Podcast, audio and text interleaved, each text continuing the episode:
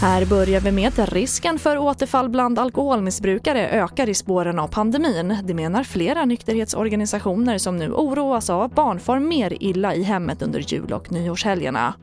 Vi är oroliga att fler barn ska utsättas för negativa konsekvenser på grund av att eh, vuxna inte kan eh, hantera sitt alkohol eller att man hamnar i, i eh, mer destruktiva miljöer.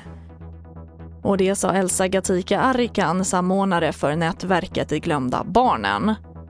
Och brittiska myndigheter väntas inom några dagar godkänna AstraZeneca och Oxford-universitetets covid-19-vaccin. Planen är att vaccinet ska börja ges till britterna den 4 januari.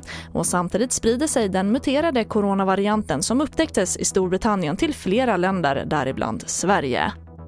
Och på tal om det muterade viruset är statsepidemiolog Anders Tegnell kritisk efter att ett passagerarplan från Storbritannien igår landade på Arlanda trots förbudet att transportera passagerare från just Storbritannien. Och det är på grund av den nya mutationen av coronaviruset. Det var ett plan från British Airways med 33 passagerare ombord som trotsade myndigheterna. TV4-nyheterna, jag heter Charlotte Hemgren.